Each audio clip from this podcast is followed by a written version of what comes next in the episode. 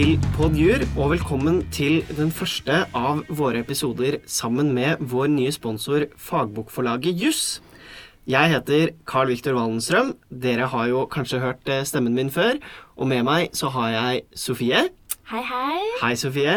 Sofie, du er jo eh, Podjurs nye programleder. Yes, det stemmer. Yes, Så du skal jo være her eh, med i dag og fremover og lede disse episodene. Og hva er det vi skal snakke om i dag, Sofie? I dag så skal vi snakke om et eh, veldig relevant tema i jusverden, eh, og verden for øvrig. Eh, vi skal snakke om klimasøksmålet. Og eh, vi er så heldige at vi skal få lov til å snakke med Marius. Hallo, Marius. Hallo, hallo. Hei, Marius. Du er jo eh, forlagsredaktør for juss hos Fagbokforlaget.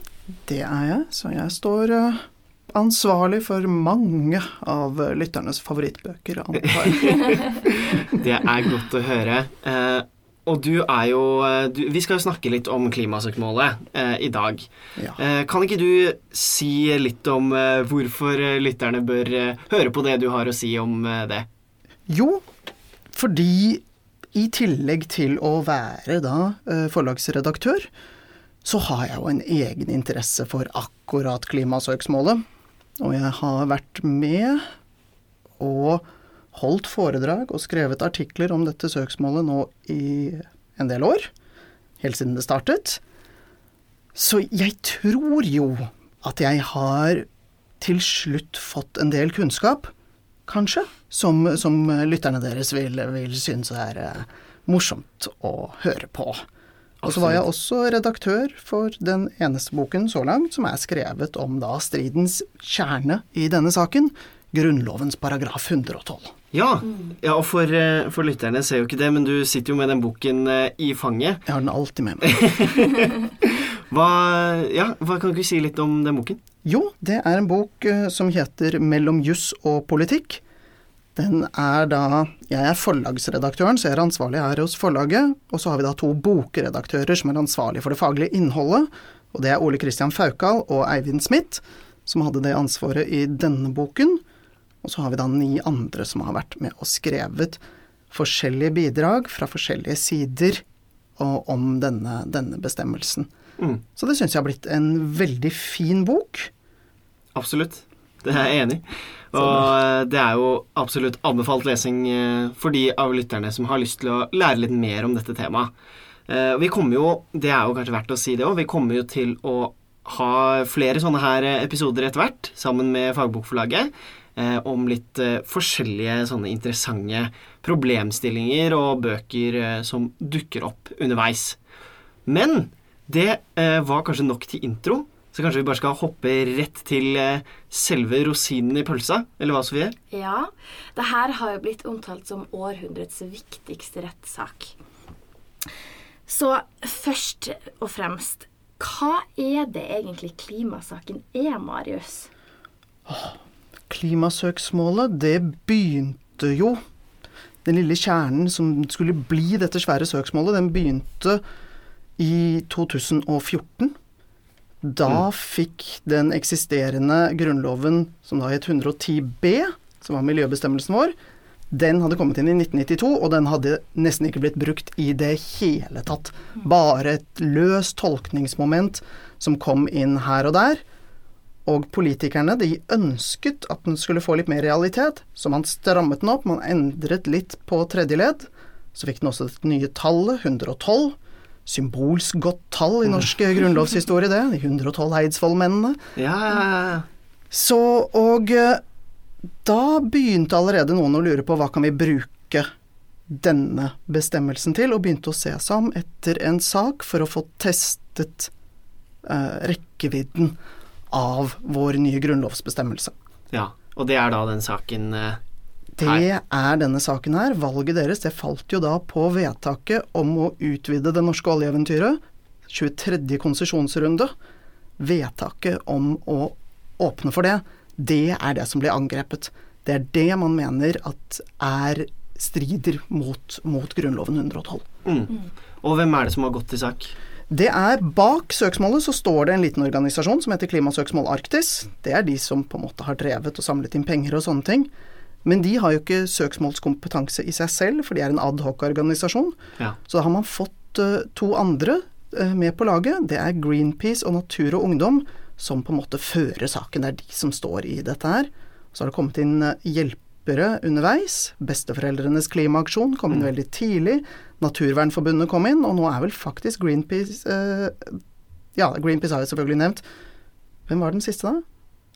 Ja, de er i hvert fall med. Mm. Det er, eh, der har vi saksøkerne våre. ja, så det er omfattende greier. Det er det. Dette er en svær sak som har kostet seks millioner kroner så langt. Og hvem er det de saksøker? De saksøker jo da rett og slett den norske stat. De sier at her har da regjeringen ved Oljedepartementet, og da kongen eh, til slutt, eh, syvende og sist, som har signert på dette, de har gjort noe som er ulovlig. Mm. De har brutt loven ved å åpne dette, dette oljefeltet. Så vi sier at på andre siden av bordet i klimasøksmålet, så har vi jo da regjeringsadvokaten Fredrik Sejersted selv Ja. står og fører saken der for dem. ja, så det er altså sakens parter, de to eh, som skal eh, klinsje sammen i retten. Der har du dem. Der har du på den ene siden og den andre siden, ja. Ja. Og eh, denne her saken skal eh, Nå når vi tar opp, så er vi, eh, begynner vi å nærme oss med stormskritt at denne saken skal opp til behandling i Høyesterett. Den skal behandles i eh, plenum. Så vil si at alle dommere som er eh, tilgjengelige og ikke inhabile, eh, skal behandle saken. Det er helt riktig, og det gjør det jo veldig spesielt. Ja. Er litt, skal jeg være litt personlig og si at da jeg begynte å interessere meg for klimasøksmålet, så sa jeg veldig tidlig denne saken den kommer til å gå helt til Høyesterett, og jeg tror den kommer til å bli behandlet i plenum. Og folk lo av meg. Så det er bare tøys. Høyesterett kommer aldri til å slippe inn dette tøysete søksmålet her, og plenum, jeg tror du er gal. Det skjer jo da bare gjennomsnittlig kanskje en gang i året at vi får en plenumsak. Og nå er det jo faktisk to år siden sist. Men hvem ler sist nå, altså? Det Men hvorfor er den saken her så viktig?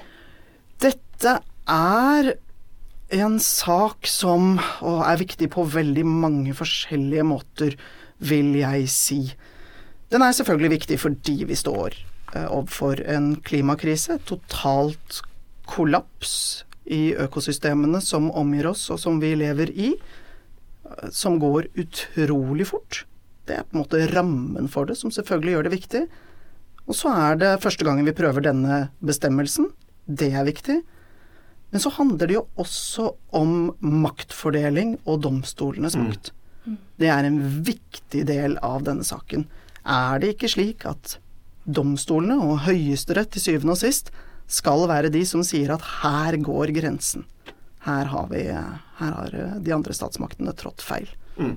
Og så er den jo da satt i plenum, som vi allerede har nevnt. Hva betyr egentlig det? Ja, det betyr jo akkurat det som vi sa. Det er alle dommerne som skal være med.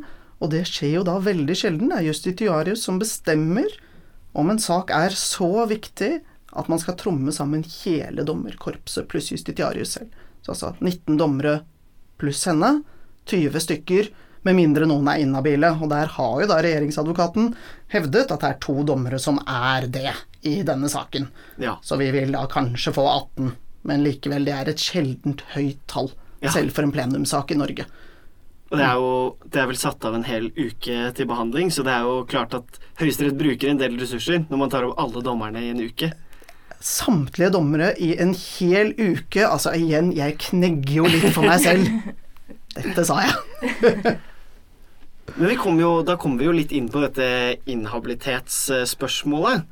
Eh, Hvilke dommere er det det gjelder, og hvorfor mener regjeringsadvokaten at disse er inhabile? Det er to dommere. Det er da først dommer Indreberg, hvor regjeringsadvokaten har pekt på at hun var jo med på forarbeidene til da denne nye forbedrede Grunnloven 112, som vi fikk da til jubileet i 2014. Og da kan det kan jo virke litt spesielt at hun kjenner loven så godt at hun skal være inhabil, men regjeringsadvokaten mener da at hun har vært med på å skrive en del av forarbeidene som er veldig omdiskutert Mm. i denne saken, og derfor bør hun vike sete. Og jeg skal være ærlig og si at jeg personlig syns det er en helt elendig grunn. Eh, Jeg kan ikke se at det skal være lede til inhabilitet. i Norge så er det jo den, sak, den grunnlovsbestemmelsen som er oppe mest, er jo 105. Vår rare lille bestemmelse om eiendomsrett. Og der er det ofte at noen er inhabile, f.eks. vi hadde tomtefestesaken, og da var jo de dommerne som selv bodde på festet grunn, de var inhabile, for de kunne jo profitere rett og slett på det ene eller det andre utfallet. Jeg kan ikke si at dommer Indreberg skal profitere på noen måte, selv om hun var med på å skrive dette. Så den synes jeg er dårlig. Men enda dårligere blir det argumentasjonen til regjeringsadvokaten når vi kommer til dommer Noer, som øh, regjeringsadvokaten også mener er inhabil. Det er fordi at hun har hatt et langt og vedvarende engasjement for miljøet, som han sa. Eh, hun var med i Natur og Ungdom selv, og, men det er da mange, mange år tilbake. Og hun var også med i Alta-aksjonen og ble arrestert der. Mm. Men, og så sier da regjeringsadvokaten at ja, men forestill dere om en dommer hadde hatt det samme engasjementet for oljeleting. Da måtte jo vedkommende vært inhabil. Og jo, det er jeg kanskje tilbøyelig til å være enig med, men det er jo ikke spesielt at folk, eh, vanlig at folk tar og lenker seg fast i ting for å redde oljenæringen, som det er med miljø. Miljø er tross alt mye mer vanlig. Mm. Så her konstruerer regjeringsadvokaten et argument som Eller et scenario som rett og slett ikke har noe fundament i virkeligheten. Mener jeg, da. Ja, jeg får vel si til lytterne at nå snakker jeg som privatperson, og ikke som eh, ikke, ikke på vegne av jobben min. Det kan vel kanskje være greit å ha med seg. Absolutt. Eh, men så til stridens kjerne. Og det er jo den berømte paragraf 112 som vi har allerede nevnt litt. Um, hva er det? Hva betyr den? Hva er ordlyden? Jeg er så glad for at du stiller det spørsmålet. Det er så viktig å starte der. Jeg har jobbet med denne saken lenge, og i begynnelsen så sa alle bestemmelsen er vag. Mm. Og jeg hørte det så ofte at jeg selv begynte å si bestemmelsen er vag. Jeg har skrevet det i artikler, at det, det er utgangspunktet. Og så var det ikke før for et par år siden da jeg holdt et foredrag, og en, en uh, ung jente fra Natur og Ungdom kom opp og sa men du sier det, men er den egentlig det? Mm. Det står jo da 'enhver har rett', og så kommer hele definisjonen på bærekraft uh, inn i, inn i uh, bestemmelsen her. Skal vi se, skal vi finne den fram, da, så jeg får det helt riktig, tenker jeg. Så bestemmelsen den består av tre ledd, og det første det sier da enhver har rett til et miljø som sikrer helsen, og til en natur der produksjonsevne og mangfold bevares. Naturens ressurser skal disponeres ut fra en langsiktig og allsidig betraktning som ivaretar denne rett også for etterslekten. La, la oss bare dvele litt ved det først.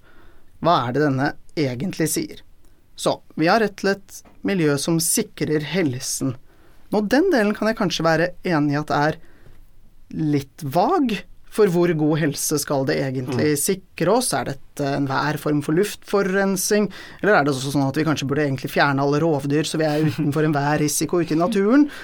Den biten er vag, men det som ikke er vagt, er når vi kommer til en natur der produksjonsevne og mangfold bevares og disse skal da disponeres ut ifra en langsiktig og allsidig betraktning, sånn at denne rettigheten også vil eksistere for etterslekten.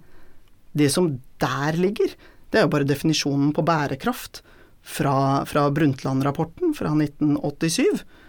Så hva vi har rett til, sånn enkelt og greit, det er et uh, miljø som sikrer en noenlunde grei helse. Det får bli opp til, til uh, domstolen å finne ut hvor god helse.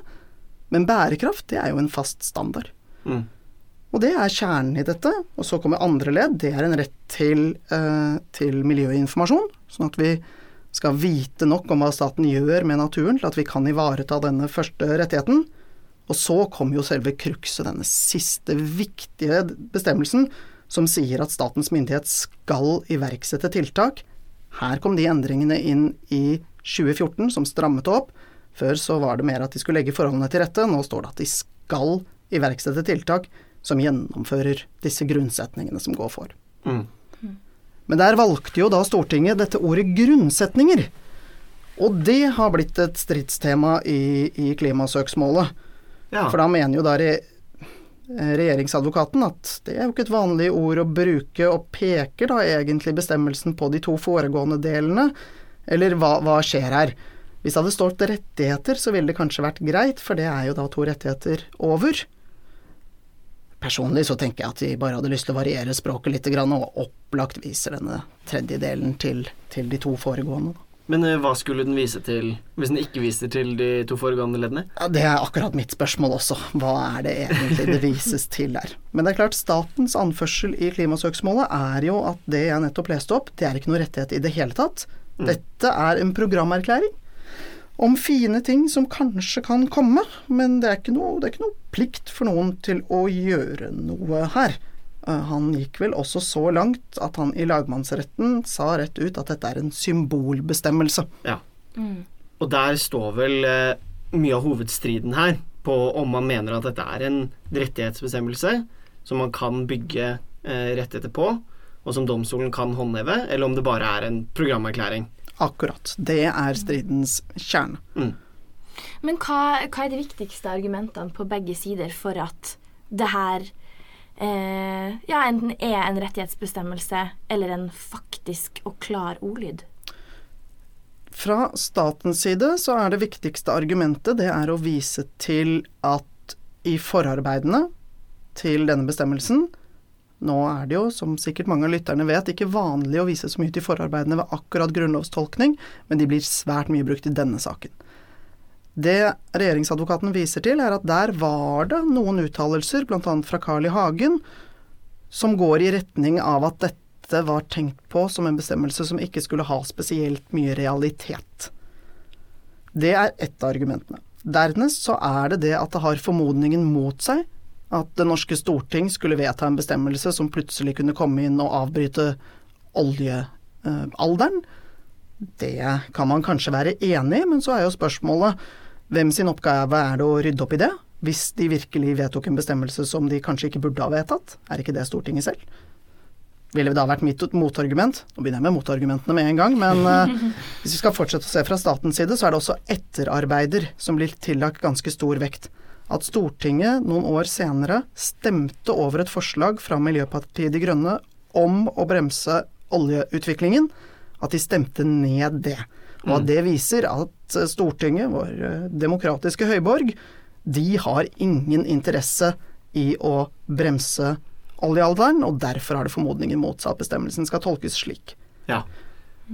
Så altså Stortingets egen, egen praksis om eh, lignende spørsmål, da. Ja, at det taler sterkt imot.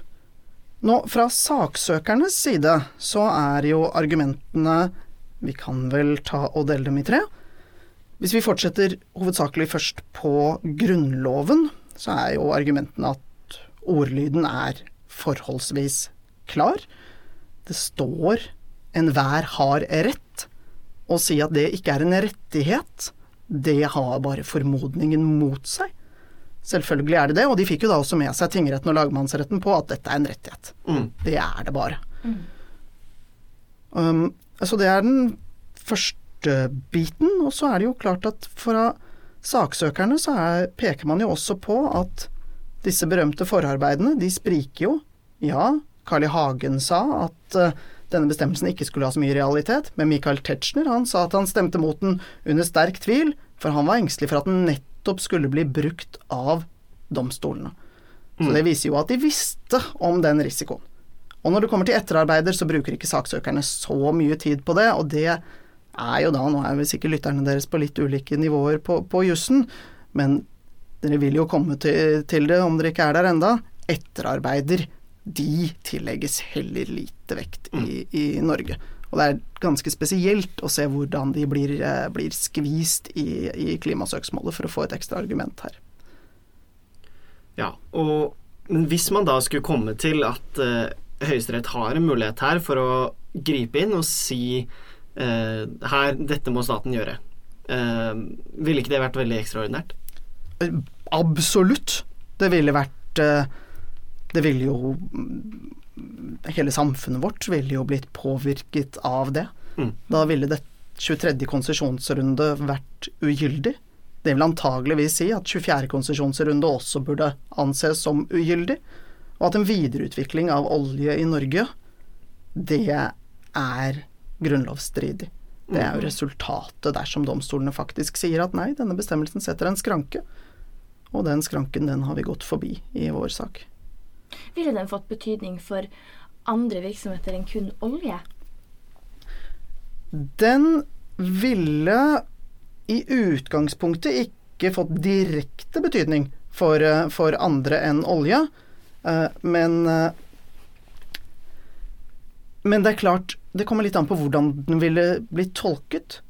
Hvis, nei, hvis domstolene, hvis Høyesterett sier at det som ligger i denne bestemmelsen, det er en garanti til folket om bærekraft, så er det klart at det vil få massive konsekvenser også utenfor den, den akkurat oljespørsmålet.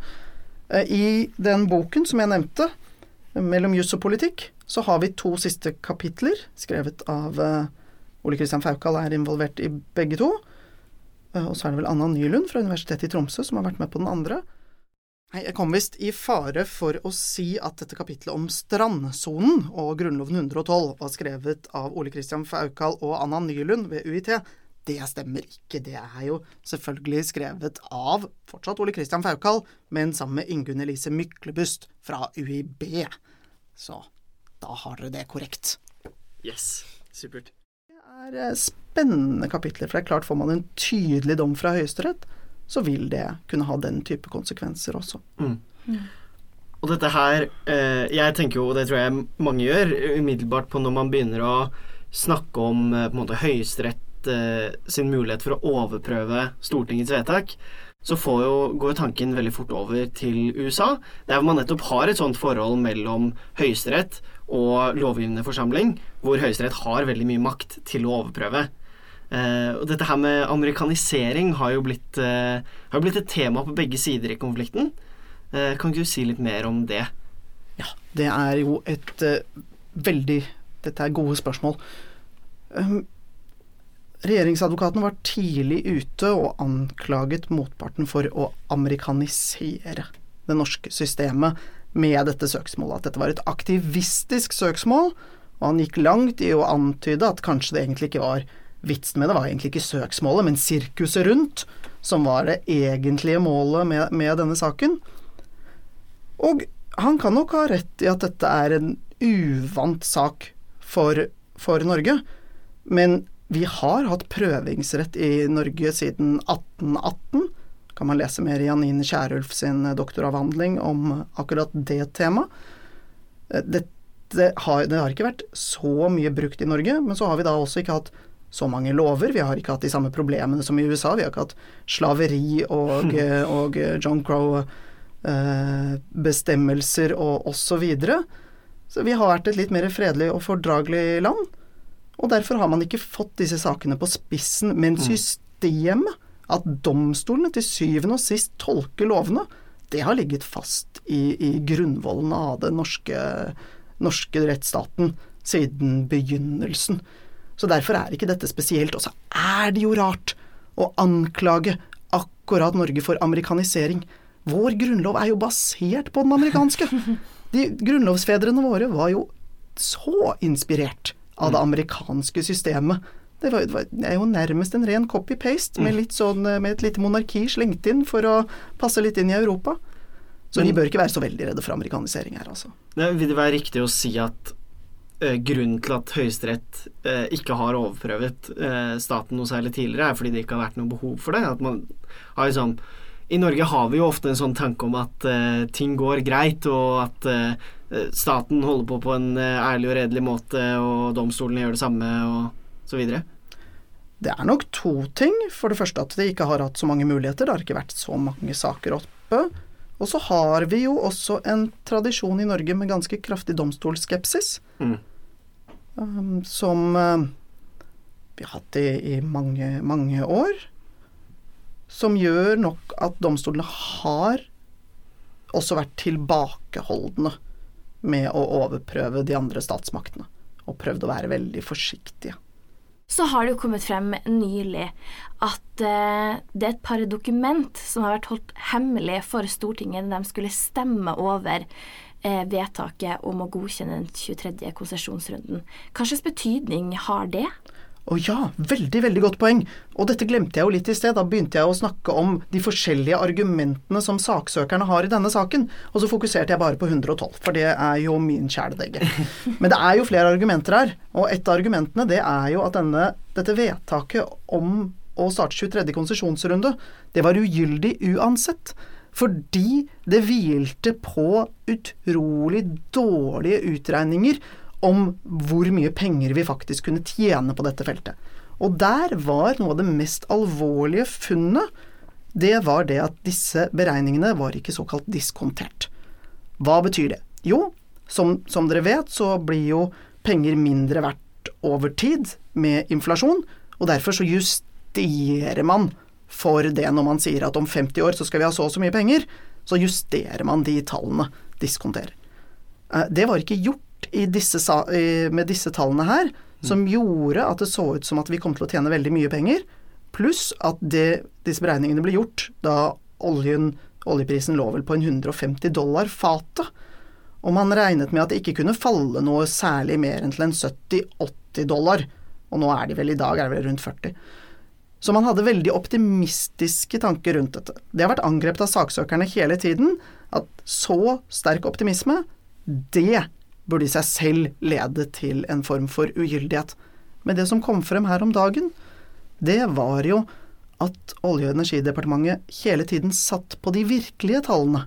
De hadde foretatt disse utregningene, men de mm. viste at disse oljeområdene kanskje ikke kom til å tjene penger i det hele tatt. Og det blir da lagt et enormt press på direktoratet for å ikke ta med disse tallene. Det var viktig, som det står i interne e-poster som nå er lekket, at man ikke snakket disse områdene ned. Det skulle vises et optimistisk bilde til Stortinget før de da stemte om åpningen av, av dette området her. Så da Det er jo en liten skandale i seg selv. Mm. Her har departementet holdt tilbake informasjon fra våre folkevalgte i Stortinget før de skulle ta en enorm beslutning, mm. verdt milliarder på milliarder på milliarder av kroner i både utgifter og potensielt da inntekter. Uh, så, og disse dokumentene har jo også saksøkerne i klimasøksmålet prøvd å få fremlagt flere ganger, men de har vært holdt tilbake da både fra tingretten og lagmannsretten. Ja. Får det her en reell eh, betydning i avgjørelsen? Jeg håper jo det. Det viser jo med all mulig tydelighet at i Norge så har vi hatt et forhold til olje som er ikke bare som en inntektskilde, men la meg, la meg bruke litt store ord, nærmest litt religiøst man da har villet åpne dette området, selv om vi kunne gå på enorme tap, så ville man åpne dette området for enhver pris.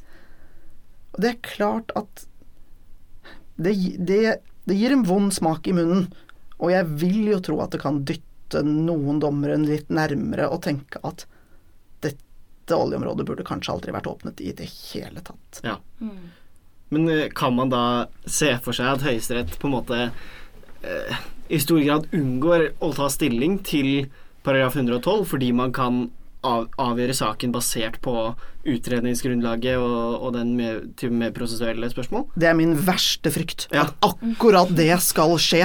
Og jeg har tenkt på dette, jeg har ligget våken om nettene etter at denne saken her kom ut, at hva om Høyesterett tar den snarveien der og sier at ja, det er ugyldig, men det er ugyldig pga. saksbehandlingsfeil, og derfor trenger vi ikke å se noe nærmere på 112. Nå har vi altså ventet i flere år på å få en autoritativ uttalelse om hva innholdet i 112 er. Så det er, det er jo faren ved dette. Og jeg skal være ærlig og si at jeg har aldri vært så veldig glad i de økonomiske argumentene inne i klimasøksmålet i det hele tatt. Jeg synes at de inviterer litt til en tanke om at ok, hvis vi hadde tjent penger på det, så mm. hadde det vært greit å åpne. Jeg skulle ønske at denne, dette søksmålet var renskårent inn på 112, så hadde jeg sluppet å ligge våken og vært engstelig for at vi ikke får denne avklaringen helt og holdent. Samtidig så håper jeg jo at uh, våre høye dommere i, i Høyesterett har lyst til å bryne seg på denne bestemmelsen når den først er på bordet deres også. Ja, når de først har satt av en uke eh, i plenum. Ikke sant. Da håper man jo virkelig det. Og det er klart, regjeringsadvokaten er jo klar på at disse, disse nye funnene har ikke noe å si uansett. Mm. Så, og kommer til å argumentere sterkt for det. Men så til det, det store og avgjørende spørsmålet. Hva tror du dommen kommer til å, å ende med? Ja, det er jo det store spørsmålet. Og nå har jo sikkert noen av lytterne deres tenkt at oi, han virker veldig optimistisk på at dette skal gå. Og jeg er jo veldig entusiastisk, det er jeg. Jeg syns dette er en veldig spennende sak, føyer seg inn i rekken av mange hundre, mange tusen forskjellige klimasøksmål som er rundt omkring på kloden. Men kommer saksøkerne til å vinne? Nei, jeg tror jo ikke det. Det tror jeg ikke. Jeg tror at lagmannsretten fant en veldig god måte å unngå akkurat det utfallet på. I lagmannsrettens dom, og da må du lese litt mellom linjene, for den er ganske ullen, så mener jeg at det står at ja, staten har brutt Grunnloven 112. Staten må gjøre mer for miljøet. Ja. Det føler jeg at står ganske tydelig. Ikke rett ut, men godt mellom linjene. Men, sier domstolene, det er ikke opp til oss å si hvilke tiltak Mm. storting og regjering må sette i verk for å leve opp til disse kravene. Vi kan si hvor listen ligger, men vi kan ikke peke på veien dit. Det tror jeg er et ganske sannsynlig utfall i Høyesterett også. At vi får akkurat den dommen. Ja, 112 har et innhold, men eh, det er ikke klart nok til å si at akkurat dette vedtaket er ugyldig. Blir dette det siste vi hører om eh, paragraf 112? Det gjør det definitivt ikke. 112 kommer til å bli brukt mye.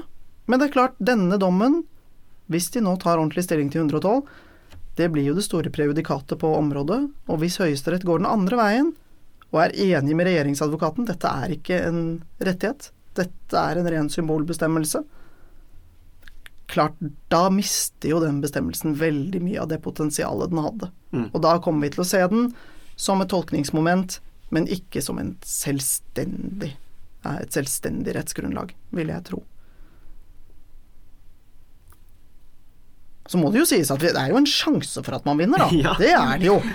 Om en veldig liten, så er det jo en, eh, en, en reell sjanse. Vi hvis man leser bestemmelsen, slik jeg leser bestemmelsen, som jeg syns at dere skal lese bestemmelsen, så ligger det jo et løfte om bærekraft her.